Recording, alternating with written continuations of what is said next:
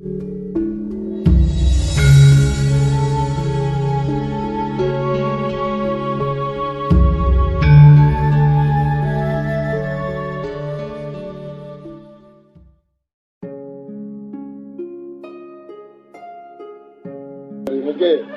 saya lebar-lebarkan dikit supaya Anda punya kesegaran. Saya harus kembalikan kembali kepada pohon pokoknya yaitu Imam Mahdi. Nanti setelah setelah ada bencana jagat raya yang terkenal dengan nama Ya'juj wa Ma'juj tidak disebutkan di dalam Al-Quran dan Rasulullah tidak pernah memberitahukan siapa yang memberesinya nanti. Jadi puncak tragedi kehidupan di alam semesta nanti akan ada solusi besar dan solusinya siapa? Yaitu saudara tertua kita. Siapakah saudara tertua kita? Kan sudah saya omongkan tadi. Yang sulung siapa dari seluruh makhluk ini? Muhammad. Jadi Jibril sama Muhammad tua mana? Jadi Jibril pernah datang ke Muhammad. Terus Jibril lupa kalau dia itu gara-gara dia malaikat Muhammad pas jadi manusia Terus dipikir Muhammad itu manusia benar Terus dia kaget kok kamu tidak taklim kepada aku wahai Muhammad kata Jibril. Lah lali sampean. Loh saya lebih tua ya oh sampean lalian nih. Gimana Jibril kok lupa? Lo iya ya sampean anu ya mbak ya lo iya mbak aku.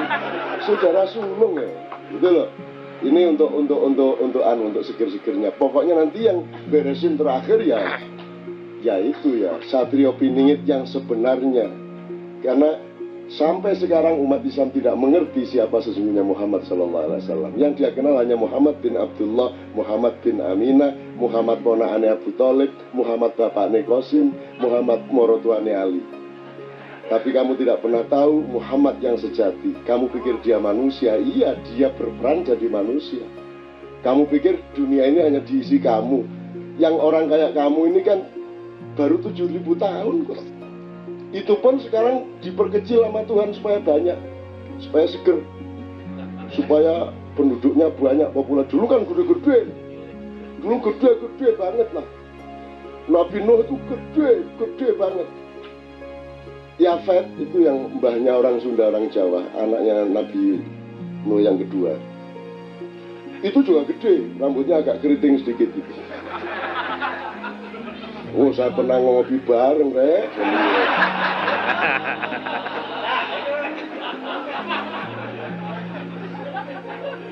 Itu ya.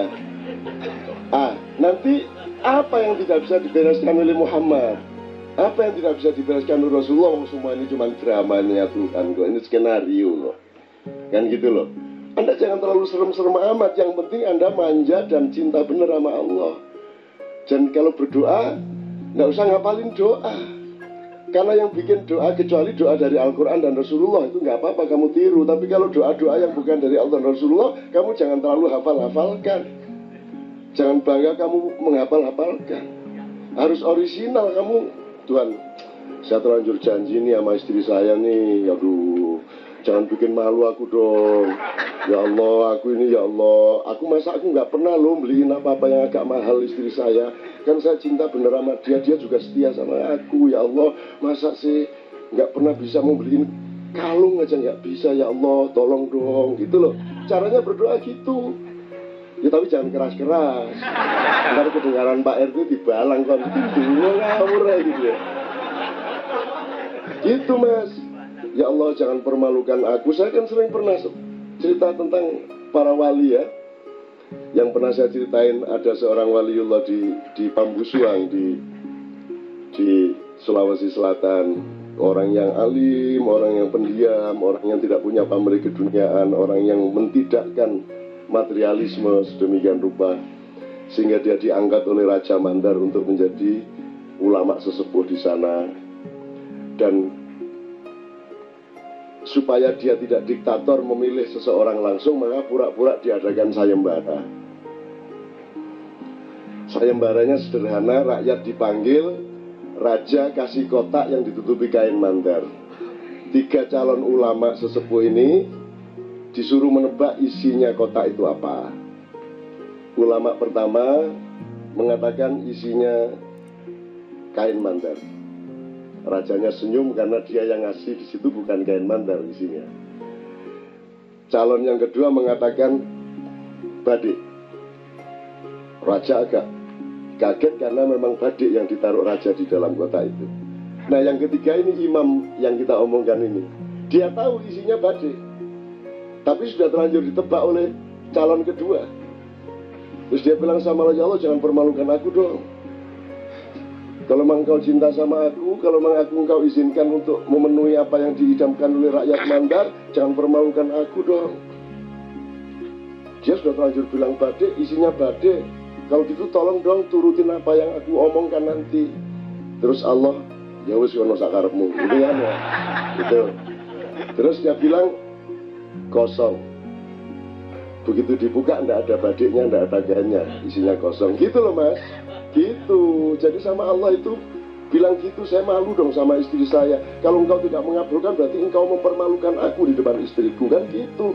Agak maksa-maksa dikit gitu loh. Kayak orang pekalongan tuh loh. Mau bayar sekolah, nggak bisa-bisa, nggak dapat duit, dagang nggak laku-laku. Akhirnya dia ngancam, pokoknya kalau sore ini nggak laku, berarti besok saya tidak bisa bayar sekolah anak saya. Sudah, saya nggak perlu beribadah, saya minum aja. Judi aja lah. Gitu. Tuhan, uh, panik dia. Ya, ya, ya, ya, tak kabulkan. Ya. Dikabulkan mas, aku mas. ya tentu saja Tuhan nggak kayak omongan saya tadi, tapi kan kita kan apa namanya membahasakan secara budaya kita, bukan Allah itu kayak gitu enggak. Kita tidak tahu Allah kayak apa, tapi terus bagaimana dong ngomong tentang Allah kalau tidak dengan bahasa kita. Sedangkan Allah sendiri berfirman memakai bahasa kita.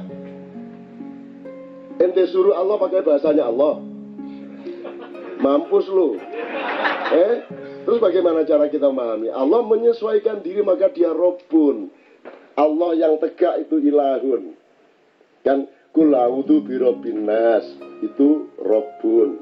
Malikin nas itu raja tapi dia mengayomi orang. Terus ilahin nas. Jadi pertama aku ini sangat sayang sama kamu maka dia pakai huruf ro melengkung begini disayangnya manusia. Tapi kamu jangan lupa loh, aku ini bukan hanya pengasuh, aku ini bisa mengasuh kamu karena aku ini raja di raja kamu, Malikin Nas. Tapi kamu jangan lupa, saya bukan hanya raja, aku ini nggak ada kamu, nggak ada masalah. Kamu saya bunuh semua, saya bikin baru lagi juga ada masalah.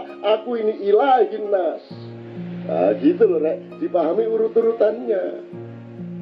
Jadi kalau ngaji, dipahami itu. Kulaudu birabbin nas gitu ya. Malikin nasnya menggambarkan dia raja, ilahin nasnya menggambarkan gagah perkasanya Allah sebagai individu. Jadi ngaji itu bukan menghafalkan lagu. Ngaji itu mengekspresikan apa yang menjadi pemahaman dia terhadap kalimat-kalimat Allah itu. Nah, lebarnya ke situ. Tapi tidak ada masalah, wong semua pada nggak bisa ngaji kok. Tidak akan ditagih apa-apa oleh Allah Subhanahu Wa Taala. Oke, supaya Cak Puji sama Ustaz Nur Samanti menjelaskan. Cak Puji saya kira punya wacana-wacana yang nakal mengenai apa. Sekarang saya singkat begini teman-teman sekalian. Dua hal. Kalau dalam gagasan Jawa, pasti Sunda punya dan semuanya juga punya. Kita bisa ambil dari Joyoboyo, kita bisa ambil dari Ronggo Warsito. Joyoboyo itu bukan orang Hindu, Joyoboyo itu Muslim, seorang Syi'i, seorang Syiah.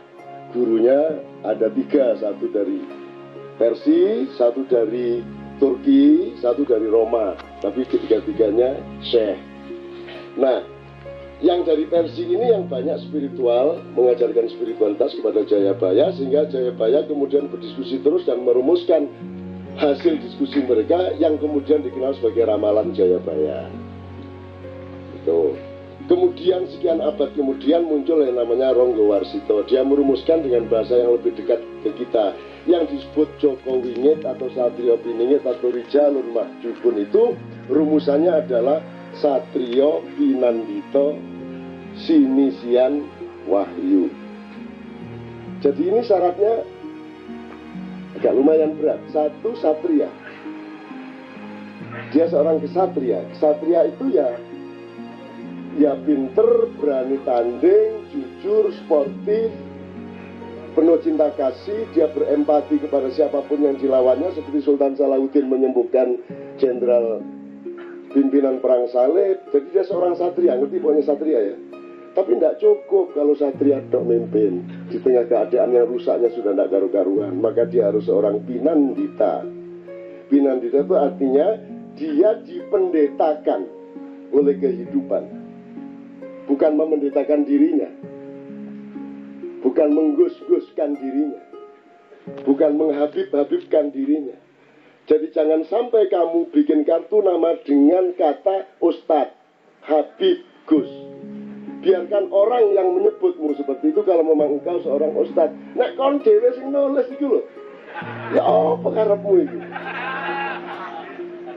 kartu nama. Gus ya apa kamu sudah orang Yunani bukan orang Indonesia lagi. Kalau orang Indonesia itu tidak ada ceritanya dia menawar-nawarkan diri. Bener mas?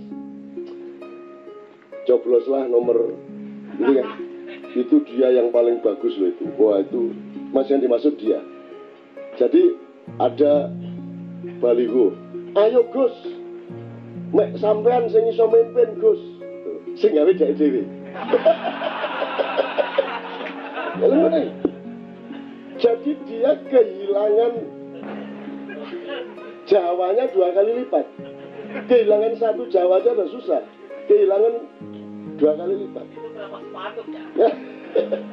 ono meneh sing kene ning nganggo klambi kayak Bung Karno digawe terembel-terembel terus ngene sing diduting ku manuk ta apa Ya Allah, itu yang pasang dia sendiri.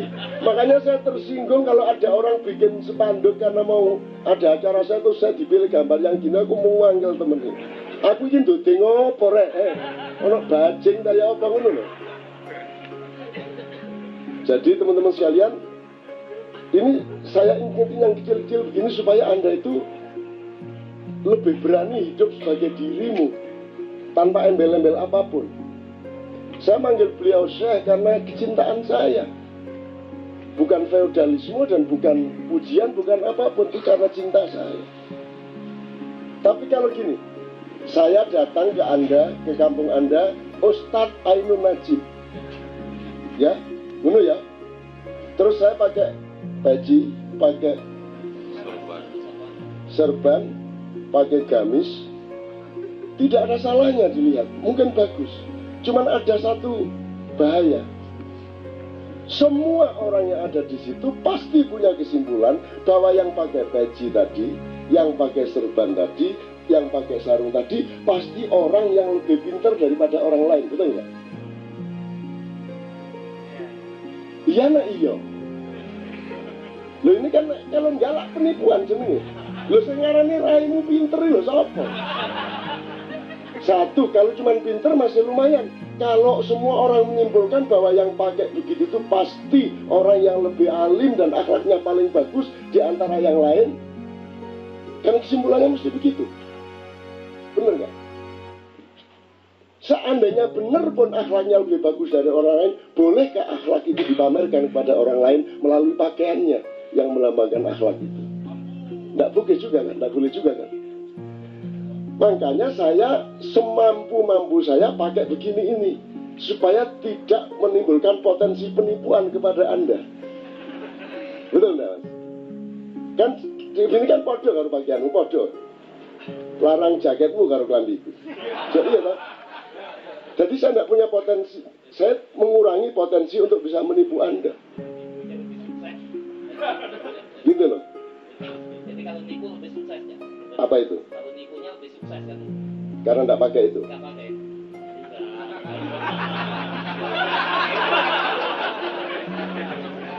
Iya, bisa juga, bisa juga. Bisa juga saya berlagak tidak pakai supaya saya lebih mudah menipu Anda. Bisa juga. Nah, tinggal Anda nilai. Tinggal nilai saya selama ini menipu Anda di bidang apa, Anda harus harus kritis kepada saya. Dan Anda tidak boleh mendewakan saya, Anda tidak boleh mengiwan faloskan saya, Anda tidak boleh meng, Habib Syekhkan saya, Anda tidak boleh mengzainuddin MZ-kan saya, Anda tidak boleh memuhammadkan saya, Anda tidak boleh meng kan saya. Saya adalah saya dan saya menjadi saya adalah karena Allah menjadikan saya sebagai saya dan tidak karena yang lain.